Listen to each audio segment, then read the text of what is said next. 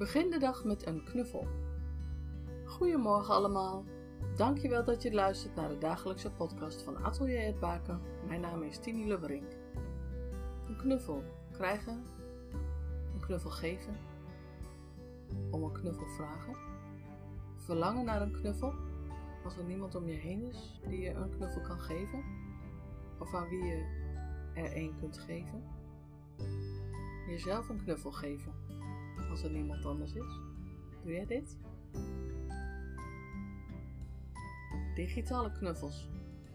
Omdat in de tijd waarin we nu leven de knuffel niet zomaar spontaan kan. Die spontane hand op een schouder leggen. Een bemoedigende knuffel. Het is veranderd in stop en niet. Of stop, doe beschermende kleding aan en go. Of een knuffel met een raam ertussen. Of via Zoom, Skype. Of geen knuffel. Knuffel die een ieder zo op zijn tijd zo nodig heeft. Ik haal mijn knuffels onder andere uit mijn geloof, maar ik weet dat dit niet voor iedereen zo vanzelfsprekend is. Hoe doe jij dit?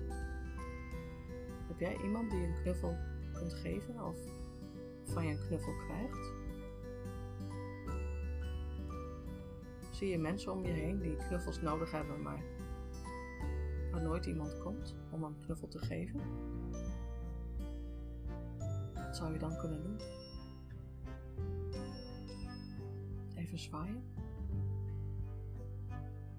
Of iets anders verzinnen? Kun je dat zien als een knuffel? Een beetje aandacht? Ik denk het wel. Maak er een mooie dag van.